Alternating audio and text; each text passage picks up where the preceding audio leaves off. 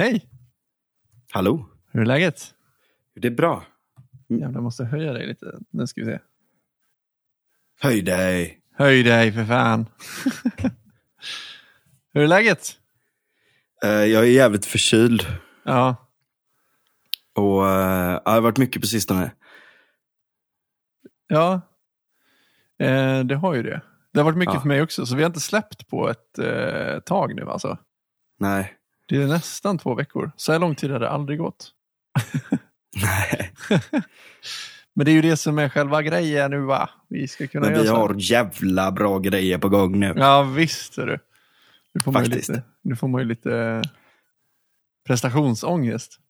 Jag får eh, kompensera lite Ja, för detta avbrott. precis. Saker händer i livet. Saker händer i livet.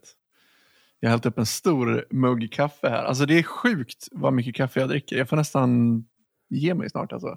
Ja, men det är bara att, eh, vad heter det, ehm, det är, vilket konstigt ljud är det där. Så gnälligt så. Gjorde jag? Nej, jag gjorde det. Ja. Det var inte meningen. Jag är förkyld som sagt. så. Ja. Nej, men, eh, eh, nej, men du, får, du får trappa ner. Ja, alltså, I men, många fall så behöver man inte så mycket koffein. Sk- Ska jag säga som hinkar i mig hur mycket som helst. Liksom. Men eh, det går att få ut samma effekt på mindre. Men jag brukar köra på den devisen att jag dricker så jävla mycket kaffe i början av dagen och sen så skiter jag i det sen. Liksom. ja, alltså jag dricker ju väldigt mycket kaffe i början av dagen och sen dricker jag väldigt mycket kaffe resten av dagen. Det är ju en annan strategi. Men det är så jävla nice det där på eftermiddagen, typ som man har käkat lunch, maten börjar lägga sig lite grann och så tar man sig en rejäl kopp. Mm. Eller mugg i mitt fall. Eh, och sen kanske man tar sig en till. Mm. Ja, det får man. Ja. ja, men det kanske inte är, så bra. Jag vet, jag vet inte. Men det är nice i alla fall. Så jag, jag är inte tillräckligt motiverad att, att inte göra det. Nej men det, då ska man inte, alltså det är ju inte så farligt liksom. Nej, det är väl inte det. Eller alltså, det enda som är liksom farligt är det väl typ om du får magcancer av att det liksom irriterar för mycket kanske. Jag vet inte riktigt hur det funkar. Kan man få det av koffein? Nej, ingen aning. Alltså inte av koffein per se men av kaffe tänker jag. Mm. Så. Ja, jo, precis. Nåväl. Kan man få det Nåväl. av kaffe? Alltså? Ja, kanske. ja. Vad ska vi prata om idag? Jo, alltså jag har eh, lite spaningar jag skulle vilja eh, dela med mig av. Mm. Ehm, är du en sån här person som gillar att bada på sommaren? Ja, men det måste vara typ... Eh... Ja, det måste vara typ 20 grader. Ja. Men då, okej, så att om det är typ 20 grader eller över, då, Ja. då gillar du att bada?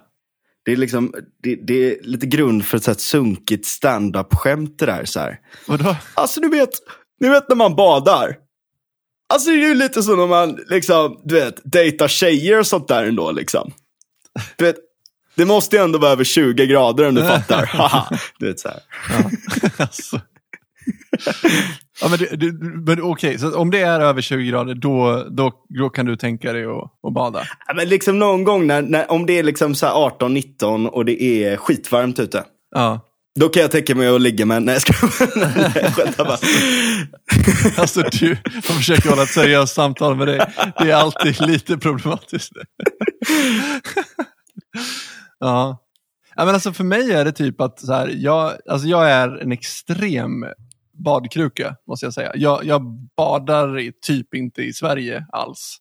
Eh, och det har egentligen inte någonting att göra med typ temperatur eller någonting. Jag, jag tycker bara inte om att bada. Det är klart att det har med temperatur att göra. Och framförallt så tror jag att det, att det har att göra med att jag inte är en konsekventialist. så att jag, kan inte, jag kan inte motiveras med det här argumentet att så här, ja, men det kommer kännas så skönt efteråt. Så att jag bara, nej, det är inget argument som biter på mig. Jag kan inte gå igenom ett helvete för att det ska bli skönt efteråt. I sådana fall skulle man kunna slå sig själv i pannan med en hammare för att det är så skönt när man slutar. Liksom. Det är så jävla, jävla dumt. Liksom.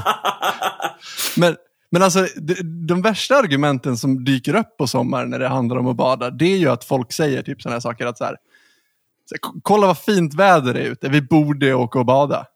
Och då är det så Ja. Och jag bara, men det här är ju inte ett argument. Alltså, folk tror verkligen att det här är ett argument, men det här är ju inte ett argument. Alltså, bara för att det är fint väder så bör vi åka och bada. Att, att, så här, att man, man liksom måste vara, att man är nästan skyldig då av omständigheterna. Det är inte, inte för att det känns bra utan för att man måste. Ja men alltså, det här är ju i grund och botten eh, det här är och bör problemet som David Hume eh, pratar om. Alltså, du kan inte få ett, ett bör från ett är. Och Det här verkar folk inte fatta överhuvudtaget. För folk gör, de här, gör det här felet hela tiden. Och Jag skulle dessutom säga att det inte bara är det att de tror att de kan få ett bör från ett är, utan folk verkar också tro att vissa liksom, materiella förutsättningar alltid garanterar ett visst kvalitativt utfall. Mm. Ja, det här är jätteflummigt, men jag, jag, ska, jag ska försöka förklara exakt vad det är jag eh, menar med det här. Men alltså så här, okay, den här idén då som David, David Hume pratar om, och för de som inte vet vem David Hume är borde ta reda på det, eller på att säga. Men ja, han är väl en av de största upplysningsfilosoferna får man väl säga. Mm. Nu kommer jag få Patrik Strömmer på mig. Han är inte jag vet inte när han är faktiskt. Jo, men det är ju 1700-tal. Han är ju okay. mm. från Skottland. Ja, ja visst. Eh, och det problemet han pratar om kallar han för is-at-problemet, alltså är och borde-problemet. Och det mm. innebär kort och gott att, att fakta som är baserade i den materiella världen, alltså vad som, vad som är eller vad som finns, kan aldrig ge oss en, en moralisk guidning i vad vi bör göra. Alltså vi kan, vi kan liksom observera och nagla fast en massa, fast, liksom massa omständigheter i världen. Till exempel, vi vet att, att gravitation existerar och att gravitation är accelererande. Alltså om jag släpper någonting från en hög höjd så kommer det här objektet falla med en viss ökande hastighet mot marken. Och vi kan räkna ut hur hårt den kommer slå i backen baserat på hur högt upp vi släpper den och, och räkna med lufttryck och så vidare. Det här är egentligen vetenskap kan man säga. Alltså det här svarar på frågan vad som, vad som är. Mm. Eh, men från den här objektiva faktan så kan vi aldrig härleda hur vi bör agera. Och vi kan, alltså vi kan ju tycka en massa om hur vi bör agera, för, för all del, men, men den kommer inte från den här objektiva faktan. Eh, så här, man, man, så här, man, skulle kunna säga att så här, eftersom gravitationen fungerar på ett visst sätt så innebär det att jag inte bör knuffa dig från en hög höjd. Eh, och Det kan man tycka är moraliskt att inte göra det. Men själv, den, liksom, den moraliska slutsatsen kommer inte ifrån de fysiska omständigheterna. Eh, den kommer ju från någon annanstans ifrån. Och det här kan lätt snurra till det. Alltså jag, jag, vet att det, är, det, här är, det här är lite abstrakt snack, men om man ska dra ett väldigt konkret exempel från den verkliga världen, alltså det jag pratar om när jag blir irriterad på att folk gör det här felet hela tiden. Eh, det bästa exemplet är ju typ Greta eller Extinction Rebellion eller hela miljörörelsen egentligen. För mm. deras argument är ju kort och gott att här, den samlade vetenskapen visar på att vi står inför klimatförändringar i världen till följd mm. av människans utsläpp av koldioxid. Eh, och därför bör politiker göra bla bla bla. Som hon säger. Ja, lyssna på experterna. ja, precis. Exakt. Och, Fan, jag har en jävligt intressant parallell till det. Men jag behöver, ja. inte, jag behöver inte ta den nu, nu om, om, det, om det bryter in för mycket. Nej, men kör på. Ja, men, du vet, det, är ju, jag har ju börjat intressera mig för hela den här liksom, skademinimeringsfrågan runt nikotin och sådär jävligt mycket. Mm. Just för att det är så jävla bisarrt eh, att när hela världen går mot skademinimering i drogfrågan och det finns hur mycket forskning som helst och, och allt sånt där.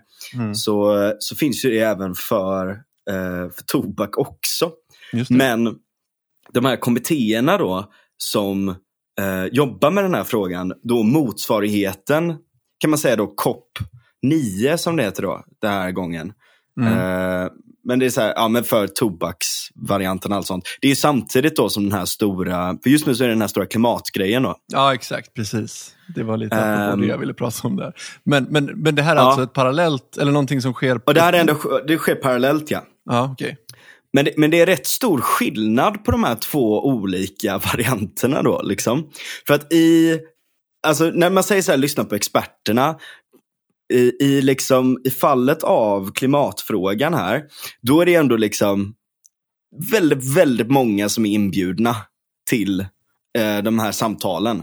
Mm. Och, och det är liksom industriaktörer och det, det är olika organisationer och det är det ena och det tredje. Och de har så här, de, de kan lägga in ett veto där de blockar någon då. Men Mhm. då måste en tredjedel av parterna, vilket är jävligt många, eh, vilja blocka en, en observatör. då. Här. Mm. Men, men den här tobaksvarianten då, eh, där det är jävligt mycket svårare att komma in där. Mhm. Eh, och det är jävligt sketchy alltså. För, för, att, för att få bli en observatör där så Mm. måste organisationen stödja konventionens mål. Och Oj. inte, alltså man behöver inte bara vara kvalificerad i frågorna och sånt där då. Utan Mm. du måste aktivt ha uttryckt att du stödjer Vad vi bör eh, göra. vad vi bör göra Ja. innan du får komma dit. Oj. Eh, och sen så, eh, så har varje part ett veto mot en annan organisation. Som vill komma in som observatör. Oj, Så. Man kan neka observatörsstatus då, eller alltså att, att vara med, liksom observera och vara med i alla de här ehm, du, du kan vara journalist, du kan vara en annan grupp med ett annat intresse eller du kan liksom säga att du företräder eh, vape. Eh, Mm. Folk som gör vapes typ, för att Mm. få folk att sluta röka. Mm. Då får inte du komma. Då blir du alltså aktivt vetoad för, från att delta. För de Mm. enda som i slutändan inte blir vetoade från att få komma in, det är de här jävla non-smoking generation-gänget organisationerna. Men det är exakt samma problem här. Det här är människor som uppenbarligen tror att bara för att vi har ehm, bara för att det finns eh, en, verklighet där ute där det händer saker som vi kan Mm. observera och slå fast att till exempel rökning eh, leder till massa sjukdomar. Så Ja. följer det på det exakt hur vi bör agera. Och de tror ju att det här Precis. hänger ihop. Men det här är ju Precis. det här är ju, det här är ju moraliska ställningstaganden som, Ja. som, som bara till synes är baserade i vetenskapliga fakta.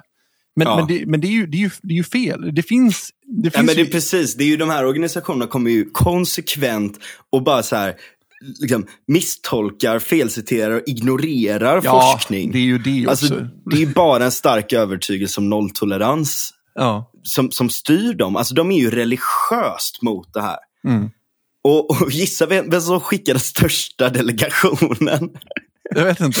Sverige. Alltså, Och det är inte för att berätta att vi har färre cancerfall av snus.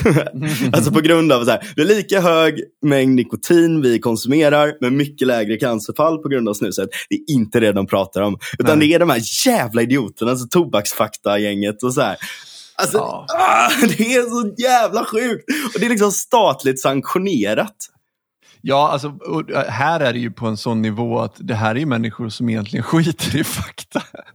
Ja. Alltså, de baserar ju inte ens sitt tyckande i fakta särskilt mycket. Utan, Nej, nej, nej. eller, Ja, men de baserar det kanske- utifrån målet att vi ska ha nolltolerans. Så att allting, alltså fakta som ligger utanför allting som så att säga rättfärdigar målet Mm. är ointressant för att det är så det är konstruerat. Just det. Det är, så, alltså det är samma sak som den här jävla utredningen Hallengren ska göra och sådär också. Alltså Mm. om du på förhand sätter ett mål, Mm, då är allting utanför det irrelevant. Som Ja. inte berör det. exakt. Ja. Det är så jävla spårigt. Det var ju samma sak när, när ANDTS-strategin i Sverige, vi har gjort ett avsnitt om det tidigare. Mm. Som jag kan rekommendera. det är, men Ja, det inte jag heller. Men de, de, de gjorde samma sak där. Då. Alltså de, alla aktörer som ifrågasätter eller liksom observera eller du vet, allt sånt där, eller vara med, liksom, de blir portade. ja. Så att det sitter bara de här, och, och, och vad, vad, blev resultatet? Jo, alltså, det var ju bara att man skulle ge mer pengar till de här organisationerna. Det var det de kom fram till. Liksom. Vi ska ja. jobba eh, med eh, förebyggande verksamhet och förebyggande verksamhet översätts till vi ska få mer pengar. Mm. Och sen, och så, så den som gjorde strategin blev drogpolitisk chef på IOGT NTO typ dagen efter. Alltså det är så ja, men Det här fult. är ju korrupt. Liksom. Det här är ju ja. inte längre eh, människor som gör tankevurpor. Utan det här ja, det är, är sant, det här är fan bara korrupt. Alltså. Ja, det är bara det. Ja. Men, men om vi ska gå tillbaka till själva klimatgrejen, så är det ju, och, och själva tankevurpa-grejen, mm. eh, så, så är det ju så att det, det, finns ju ingenting som säger att, att bara för att vi står inför ett, ett klimathot, alltså vad som är, att vi bör agera på ett, på ett visst sätt. Mm, det kan mm. finnas olika sätt att agera på, eh, vilket så här, den vetenskapliga faktan inte kan hjälpa oss att svara på. Vi kan, mm. vi kan vara överens om den vetenskapliga faktan dessutom, men ändå ha olika åsikter om vad vi bör göra. Utan att, mm. för, no, utan att för den sakens skull kunna anklaga någon av oss för att förneka själva faktan som, som det så ofta heter. Mm. Det, det, är ju en helt sjuk slutsats. Och jag har märkt att, att, att, de, att, att väldigt ofta de som gör den här typen av tankevurpor är människor som är eh, väldigt materialistiskt lagda. Ta till exempel marxister. Alltså den, grund, mm. den grunden i inom marxismen skulle jag säga att... att eh, Tänka att, fel. ja, men det är ju tankevurpornas filosofi nummer ett. Ja, det är ju verkligen det.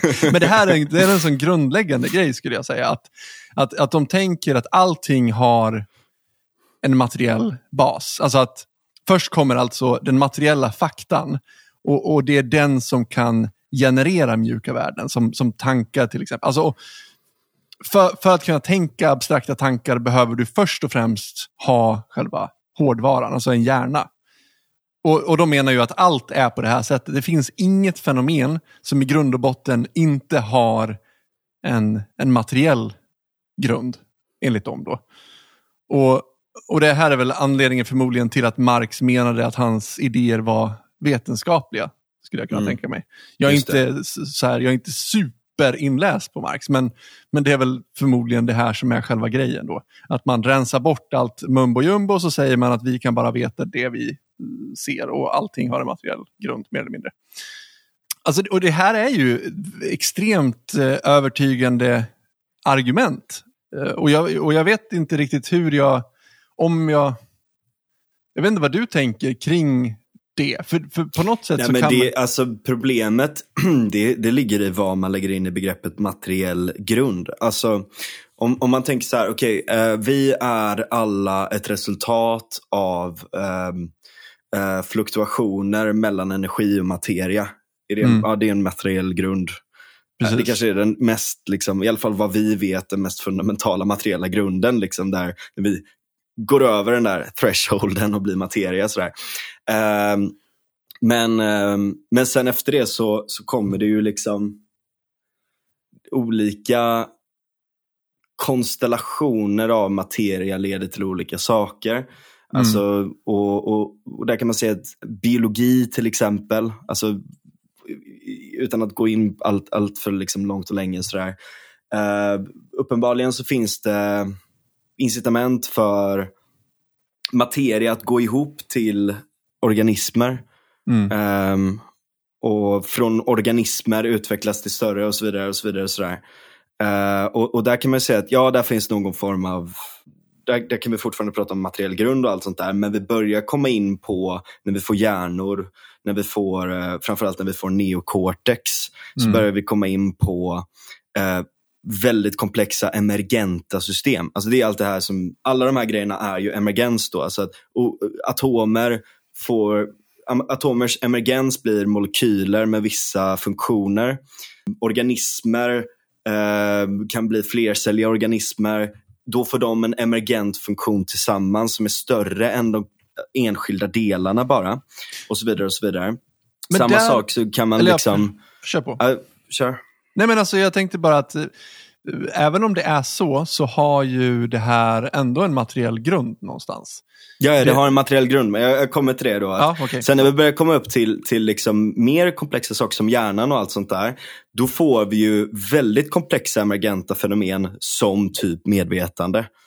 Mm. Eh, och vi får dessutom idéer som kan röra sig mellan människor. Exakt. Och där kommer väl den stora åtskillnaden då, att vi börjar prata om idealism kontra materialism. Mm. Eh, alltså att allting, vi är inte bara ett resultat av biologiska eller universella incitament, eller liksom, materiella incitament på något sätt.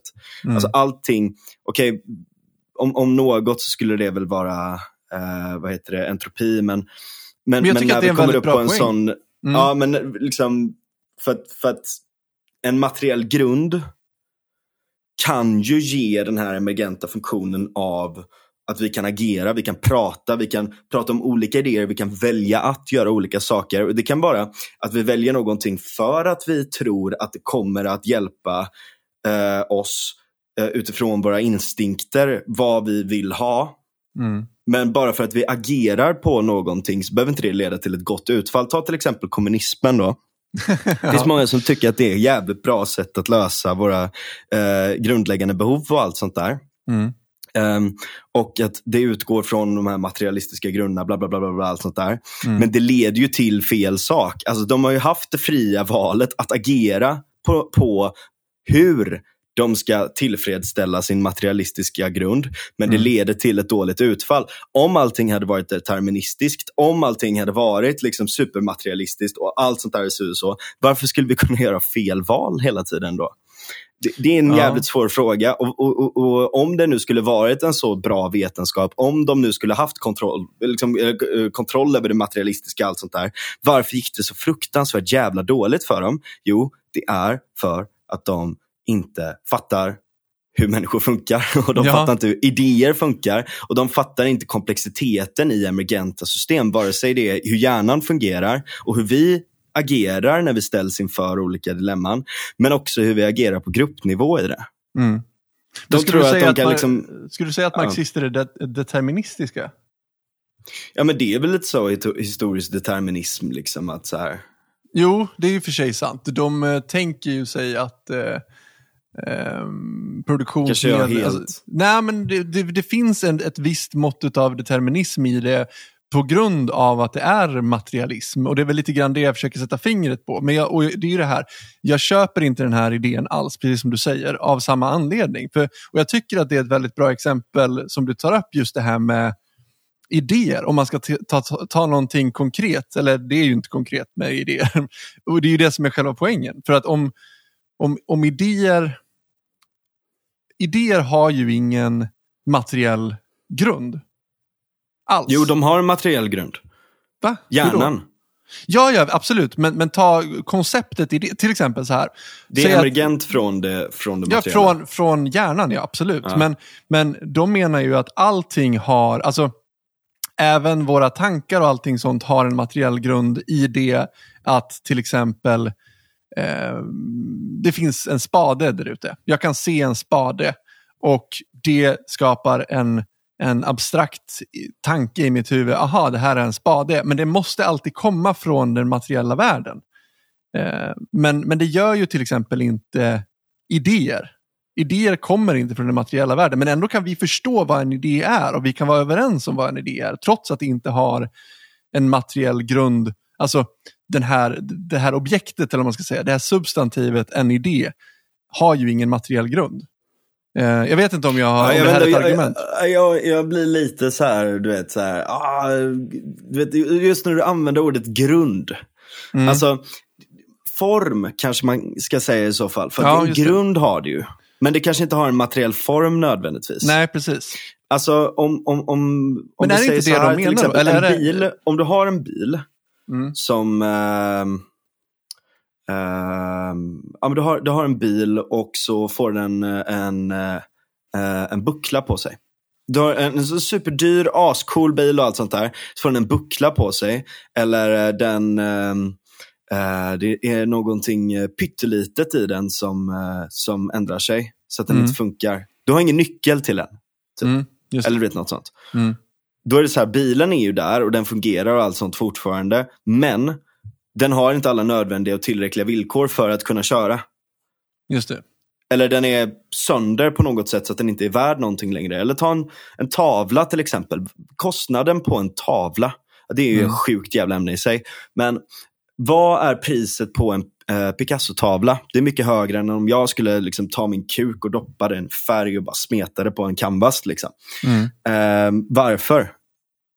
Va- vad är den liksom, materialistiska formen i det? Alltså, det är ju en idévärld som konstituerar priset på den.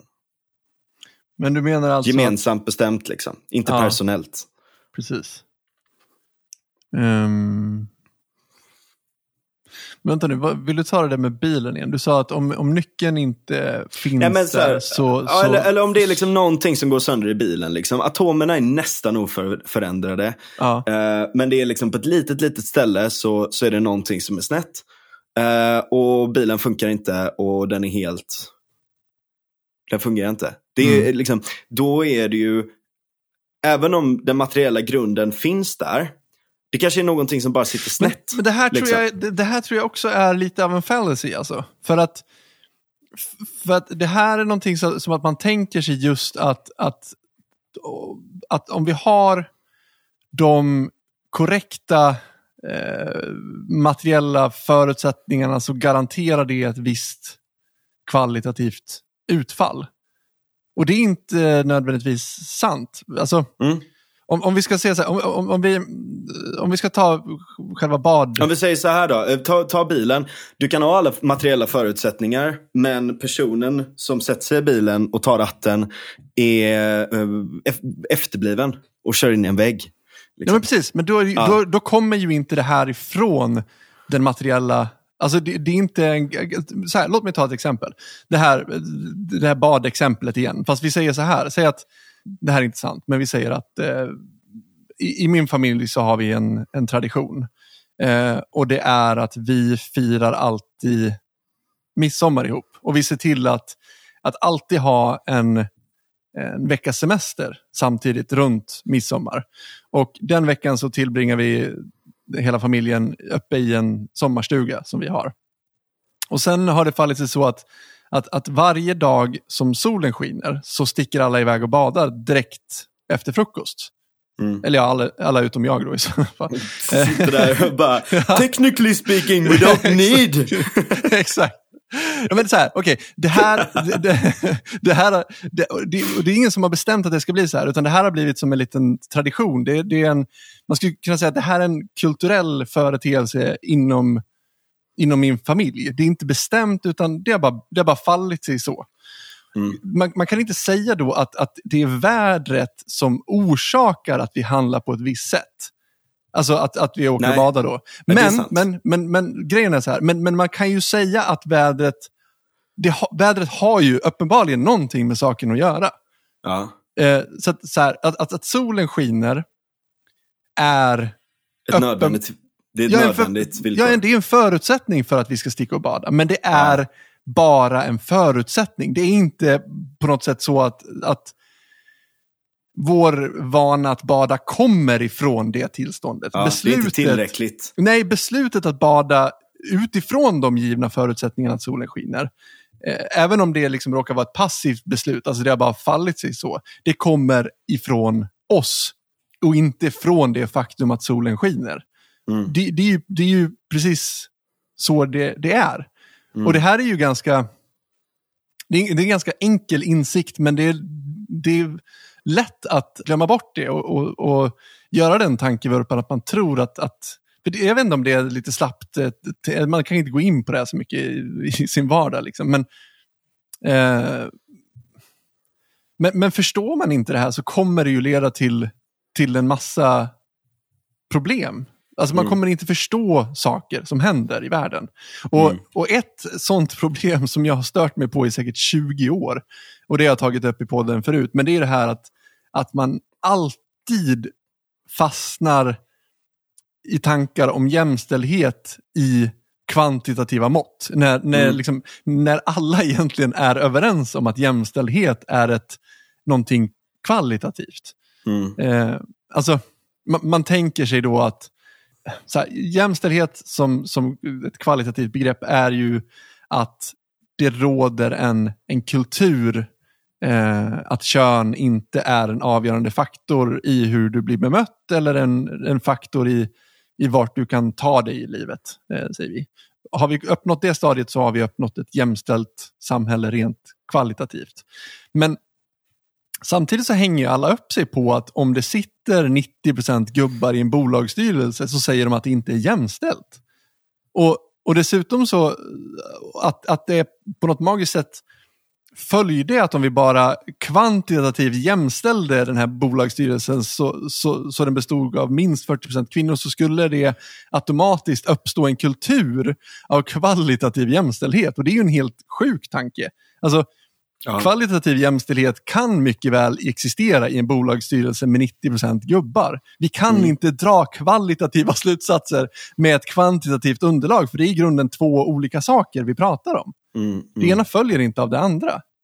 Och Jag måste bara ta ett annat exempel, som, jag, som ett ganska färskt exempel som jag ställdes inför nu på Twitter i, jag tror att det var i augusti, september någon gång, när den här stora vaccinationspushen var, att alla skulle vaccinera sig. Och då var det en relativt känd här, marxistisk twittrare, och jag tänker inte säga vem det är, men, men han resonerade lite på det här sättet att den låga vaccinationsgraden i våra förorter berodde på att staten inte gjort det tillräckligt tillgängligt och informerat tillräckligt om hur vaccinen och så vidare mm. fungerar.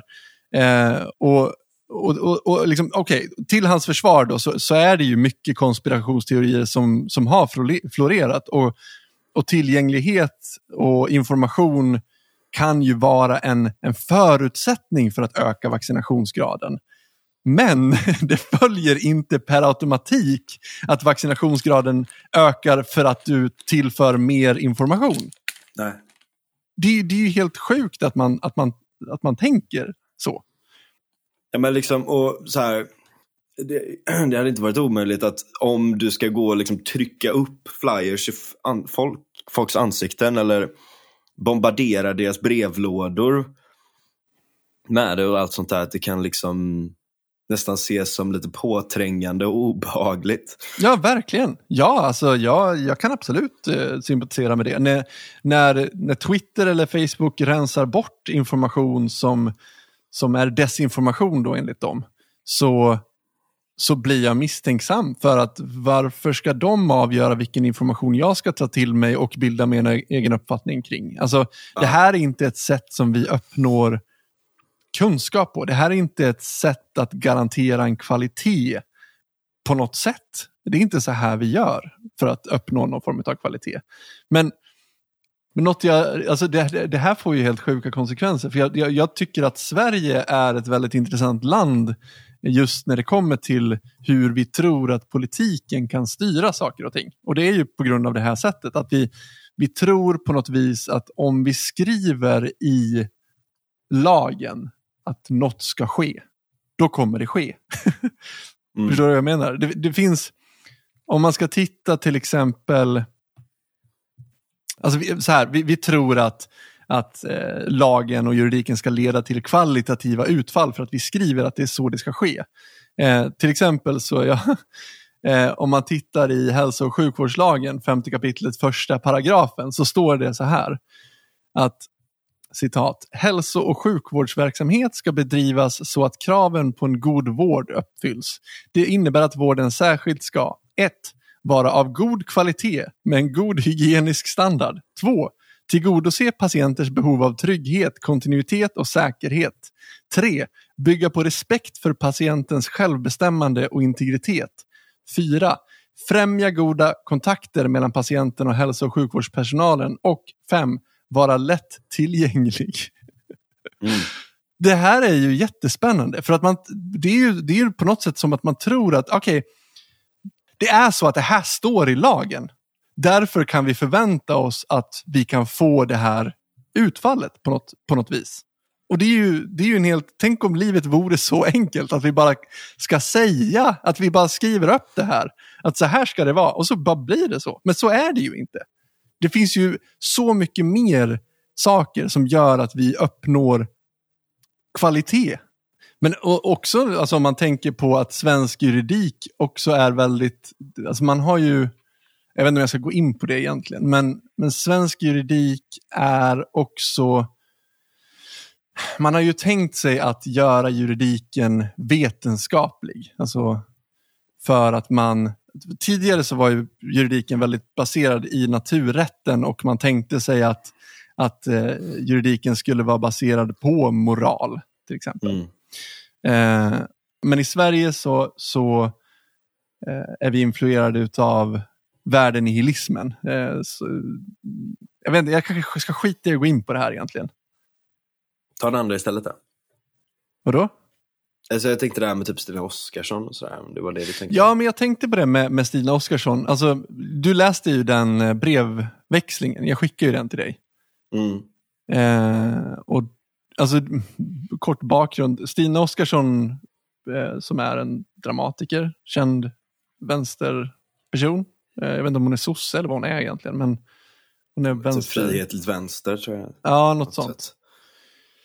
Hon har lidit av anorexia i eh, över 30 år. Eh, enligt henne själv i alla fall. Jag vet inte hur länge man kan lida av anorexia utan att... Ja, det en hemsk sjukdom. Men hon blev i alla fall eh, tvångsvårdad för anorexia. I, jag tror att det var i våras. Och då hade det varit så att det kom hem typ poliser och eh, ambulanspersonal och en vän till henne och bara hämtade in henne och spärrade in henne för vård mot hennes vilja. Eh, och det här ledde till en brevväxling mellan henne och eh, Maria Ludvigsson på Svenska Dagbladets, eh, hon är ledarskribent tror jag.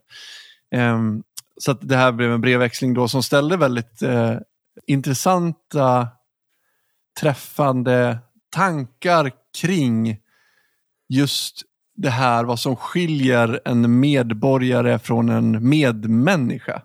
Hur ska vi tänka när vi har på något sätt delegerat över vår medmänsklighet till staten? Och det är staten som har ansvaret som det moraliska ansvaret för varje enskild individ som vi kanske egentligen borde känna själva. Men vi har en statsindividualism där vi på något sätt har skalat bort väldigt mycket av vårt personliga ansvar och, och gett det ansvaret till staten. Och sen ska staten stå för det medmänskliga. Men det medmänskliga och liksom det moraliska, det, det här är ju kvalitativa värden vi pratar om. Och det kan du inte få för att du skriver i en lagbok att du vill ha det. Alltså det, det, faller inte, det faller inte av nödvändighet att bara för att du säger att du vill ha på ett visst sätt att du får det utfallet. Och Jag tycker bara att det är helt fantastiskt att, att Stina Oskarsson på något sätt verkar famla i den här insikten. Eh, och jag tycker... Ja, är inte, det är väldigt intressant också för att det inte det uttrycks inte som, som totala självklarheter. Här, här är liksom um, Alltså typ, det här är det man borde göra liksom helt och hållet med det ena och det andra utan, utan väldigt mycket runt känslan av att bli omyndigförklarad och känslan av alltså när, när staten säger vi måste skydda dig från dig själv fast mm. man själv är ganska nöjd med det man gör och man inte skadar någon annan. Sådär. Mm. Liksom, var går statens rätt över sina medborgare, över medborgarens rätt till sin egen agens på något mm. sätt? Ja, det, det, är väldigt intressant och jag, jag gillar eh, ordet förvaltningsrätt just för att det sätter fingret på att vi alla på något sätt är satta under förvaltarskap. Eh, men det, alltså det sjuka är om man, om man läser LPT, Alltså lagen om eh, psykiatrisk tvångsvård. Så är kriterierna egentligen för att du ska eh, vårdas enligt, eh, eller vårdas med tvång då. Det är att du har en allvarlig psykisk störning och att du motsäger dig vården. Eh, och om man läser förarbetena till den här lagen så det man tar sikte på när man, när man säger allvarlig psykisk störning är primärt folk som befinner sig i ett psykotiskt tillstånd. Och det makes ju sense, för att om du är psykotisk så har du ju tappat verklighetsuppfattningen på något sätt. Så du är ju, mm. du, du är ju satt i ett stadie där du är oförmögen att förstå vad som är det bästa för dig i den situationen. Mm. Eh, och då kan man väl tänka sig att det, att, att det är rimligt att eh, säger inte att det offentliga, att staten måste göra det, men att, att man rent moraliskt i alla fall kliver in och, och hjälper en sån person. Alltså, eller om du blir dement eller vad det nu än är, att du kan inte längre, du är inte kapabel att, att fatta beslut i ditt liv som är avgörande för ditt välmående. Sen, mm. sen är, det, här är det här är extremt svåra frågor.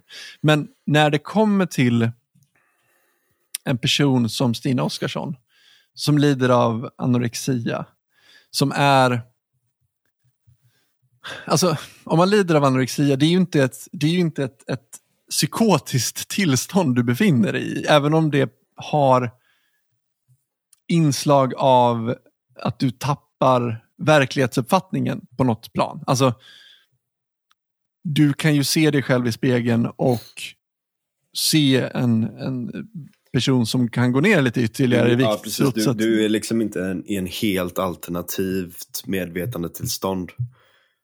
Nej, precis. Men, men du har uppenbarligen en, en felaktig verklighetsuppfattning på något plan kan man ju säga. Alltså, även om det är light light i förhållande till en psykos. så att säga. Men, men det här är ju liksom ett spektrum som jag har förstått det. Alltså, människor kan också vara extremt eh, ha, ha ganska hög sjukdomsinsikt när man har anorexia. Man, alltså, som, som Stina Oskarsson till exempel, nu, nu känner jag inte henne eller vet, men det är uppenbart att hon vet om att hon har anorexia, att hon är anorektisk. Eh, och Hon skriver även i den här brevväxlingen att eh, när hon blev intagen så kunde de ganska snabbt slå fast att hon inte var suicidal alls. Eh, men ändå då så fattar man beslut över att, att tvångsvårda henne. Eh, som hon upplever som en enorm kränkning. Då. Och Det här är bara så jävla intressant hur... För jag har också tänkt på det, den personen som har som ska fatta det här beslutet, eh, det är alltid en läkare. också. Mm. Och läkare är skulle jag säga, också extremt materialistiskt grundade. Hela den, hela den filosofin på något vis utgår ju från den, den fysiska kroppen, kan man säga. Ja, ja det är väldigt mycket så här, ät inte en bit choklad för att rent tekniskt sett så är socker och fett dåligt för dig. Även Precis. om du skulle må bättre av att göra det. Så här, åk, på, där, typ, äh, åk inte till äh, någon paradisö och drick drinkar för att alkohol är rent materialistiskt dåligt för dig. Precis. Ja, jag tänkte på det när vi hade med Nick också, för, för när vi pratade om, om narkotika. Han sa ju det eh, också att, att um, han var för en avkriminalisering på grund av att eh, kriminaliseringen gjorde det svårare för människor att få vård. Men han mm. var inte för en legalisering för att eh, narkotiska preparat rent Eh, objektivt, eller om man ska säga rent materiellt, är inte bra för den, den mänskliga kroppen. Eh, ja, men, men, det är typ har... den hippokratiska eden, ja, tycker jag. Precis. Att det, det, det, och den, den är liksom inte helt okomplicerad. För du har ju ganska bra argument där, skulle jag säga. För du säger ju alltid att ja, man kan få ut väldigt mycket eh, rent själsligt från att, att, att uh, ta vissa droger. Mm. Och det är ett värde som vi inte kan mäta eh, kvantitativt eller materiellt eller på något sätt på det viset. Eller det kanske vi kan, men, men det, det, det, är inte primärt det det är. Du kan inte, det här är inte ett, ett, materiellt argument på det sättet. utan Och det är någonting som är relevant. Vi kan inte bara utgå ifrån den fysiska verkligheten, utan vi måste ta hänsyn till eh, den komplexa, emergenta verkligheten på sätt och vis också. Ja, ja verkligen. Och jag, ja. Ett, jag har ett exempel, jag har säkert tagit upp det i podden också. Jag vet att jag har berättat det för dig någon gång. Eh, men jag kände många, eller jag känner många läkare och jag känner, jag kommer ihåg när de pluggade till läkare. Eh, då brukade jag hänga med, med det var ett helt läkargäng. Liksom. Eh, och jag kommer ihåg att vi hade någon fest någon gång och så hamnade jag i köket och pratade med en snubbe. Jag vet inte hur långt in på läkarlinjen de hade kommit, men säg ja, men kanske hälften i alla fall. Eh, och han sa att, att han var glad att han hade börjat plugga till läkare för att han förstod saker på ett annat sätt, på ett annat plan nu för tiden. Eh, han tog exemplet att när jag var yngre, så, så, när jag blev kär, så, så trodde jag att, att eh, de här känslorna jag kände, eller liksom, det, bara det faktum att jag blir kär är, det är bara magiskt. Jag, jag förstår inte vad som händer. Det här är någonting eh, spirituellt, det här är något själsligt. Jag, det här är bara magi för mig. Just det, just det. jag förstår ingenting, men, men det, här är, så det här är någonting magiskt. Liksom. Men nu när jag börjar plugga till läkare, då förstår jag att det är vissa eh, kemiska saker som händer i min kropp när jag blir kär som gör att jag känner de här känslorna. Och det här är ju perfekt exempel på det här. Och då, då kom jag ihåg att jag tänkte att men okej, okay, du förklarar ju bara vad det är som händer i din kropp. Men det du inte förklarar, det är varför det här händer i din kropp. Och det är ju det ja. som är den intressanta frågan. Alltså, du blir ju kär och då händer det här i din kropp.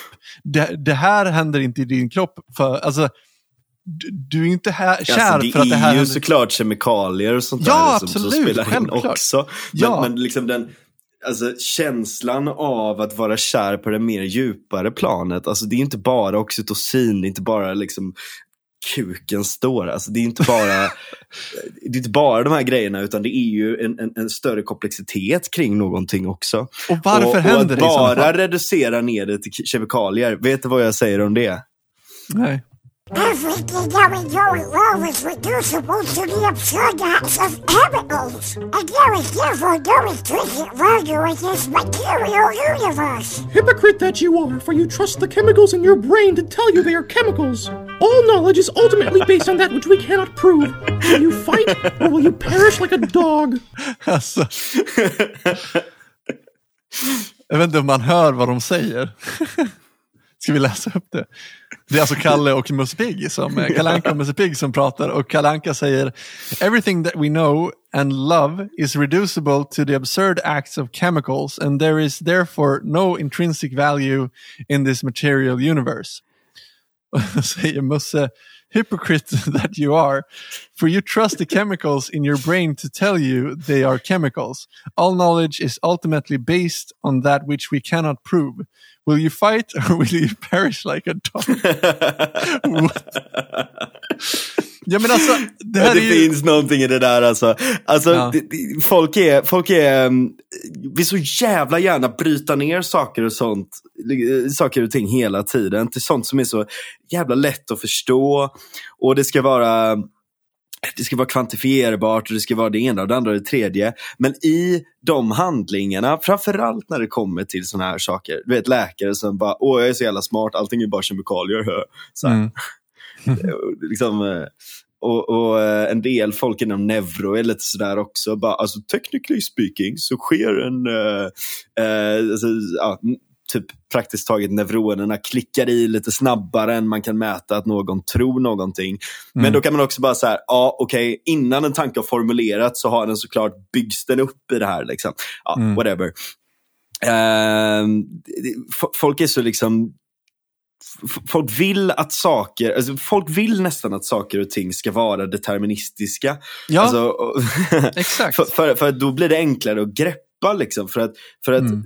om vi skulle leva i en kaotisk värld så, så innebär det eller en kaotisk värld där vi, där vi har egen vilja, egen agens, där det inte finns en objektiv mening, utan Mm. saker och ting sker revolutionärt och utvecklar sig och, och så vidare.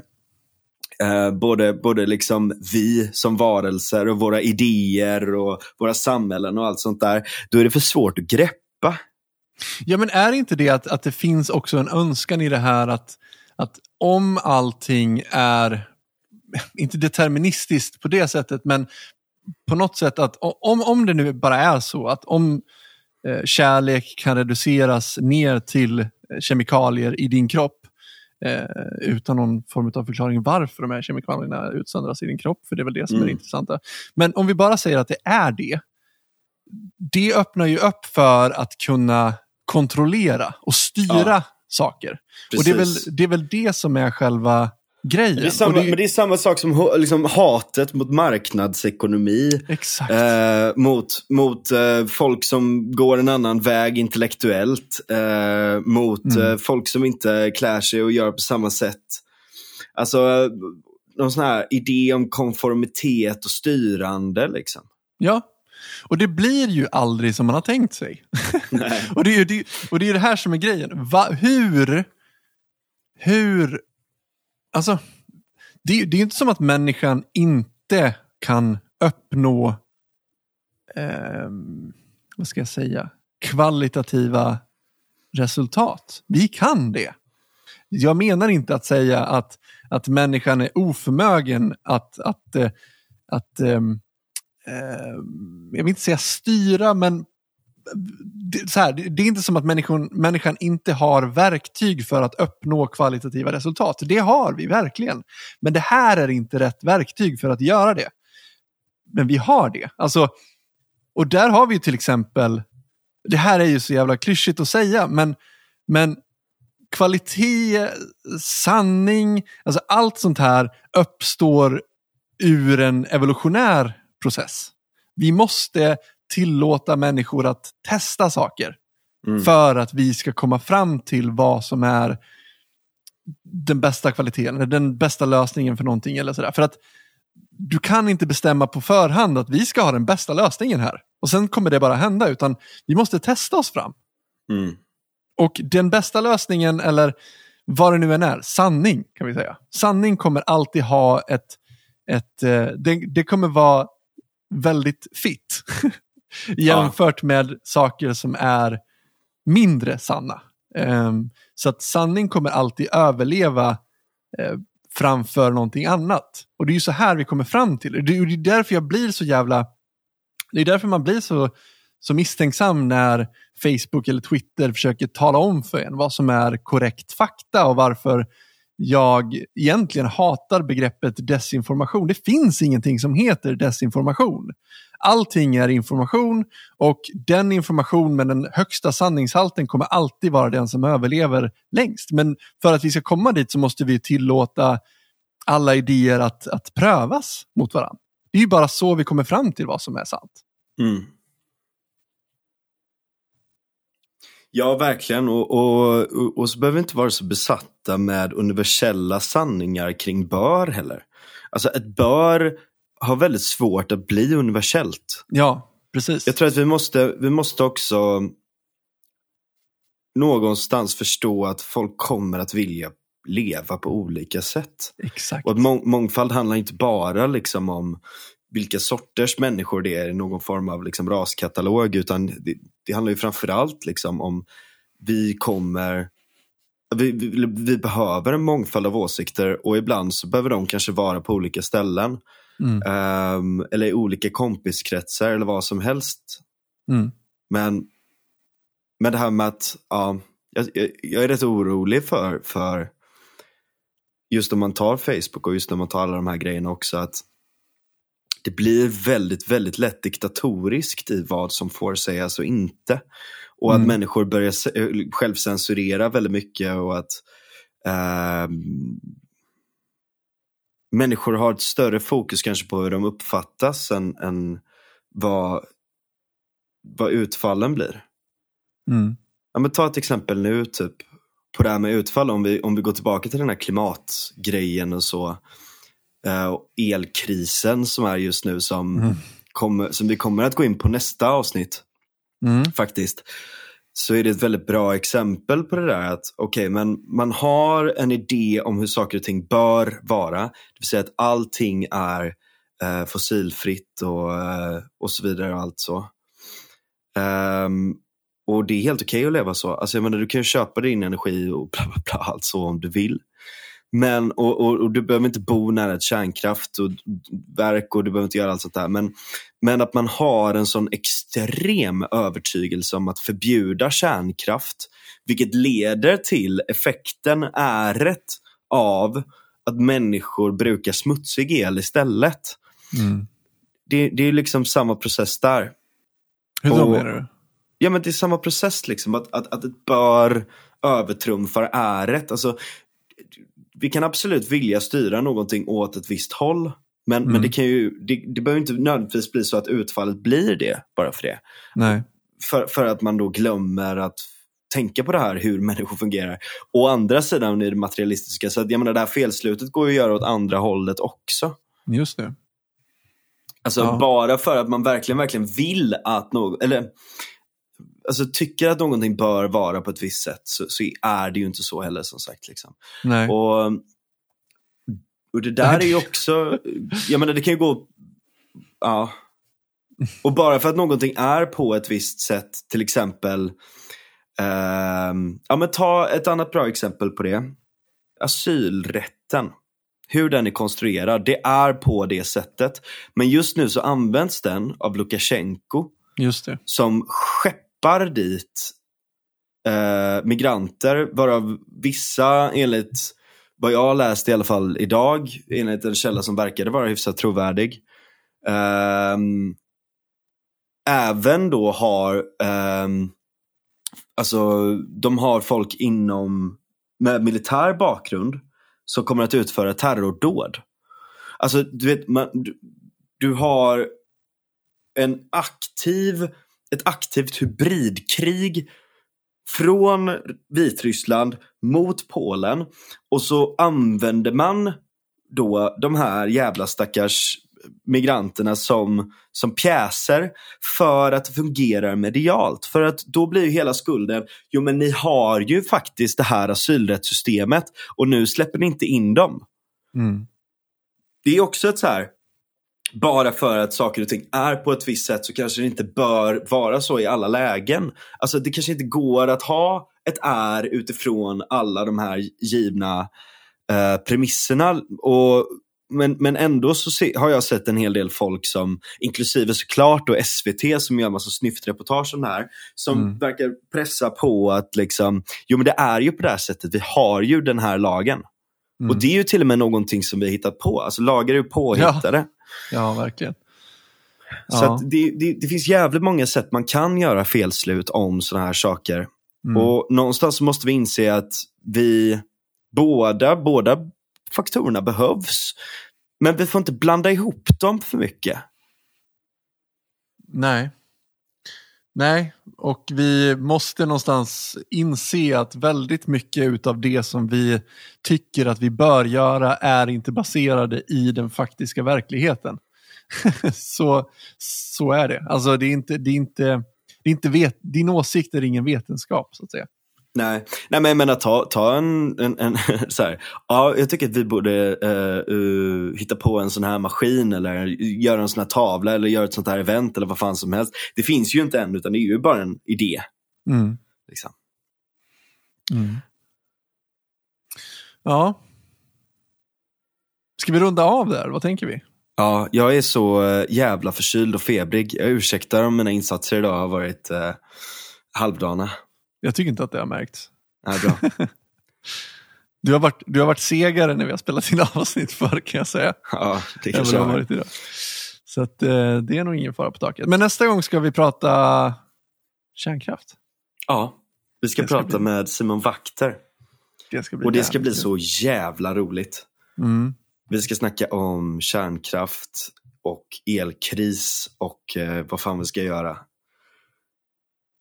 Just det. Ja. Ja, relevant. Väldigt kul. Mycket relevant, mycket relevant. Mm. Grundförsörjning, grund, materiell grund. Ja, just det. Ja. Maslows behovs. ja, men eh, vi får väl tacka för idag då. ja, det gör vi. Ha det gött hörni. Ha det gott.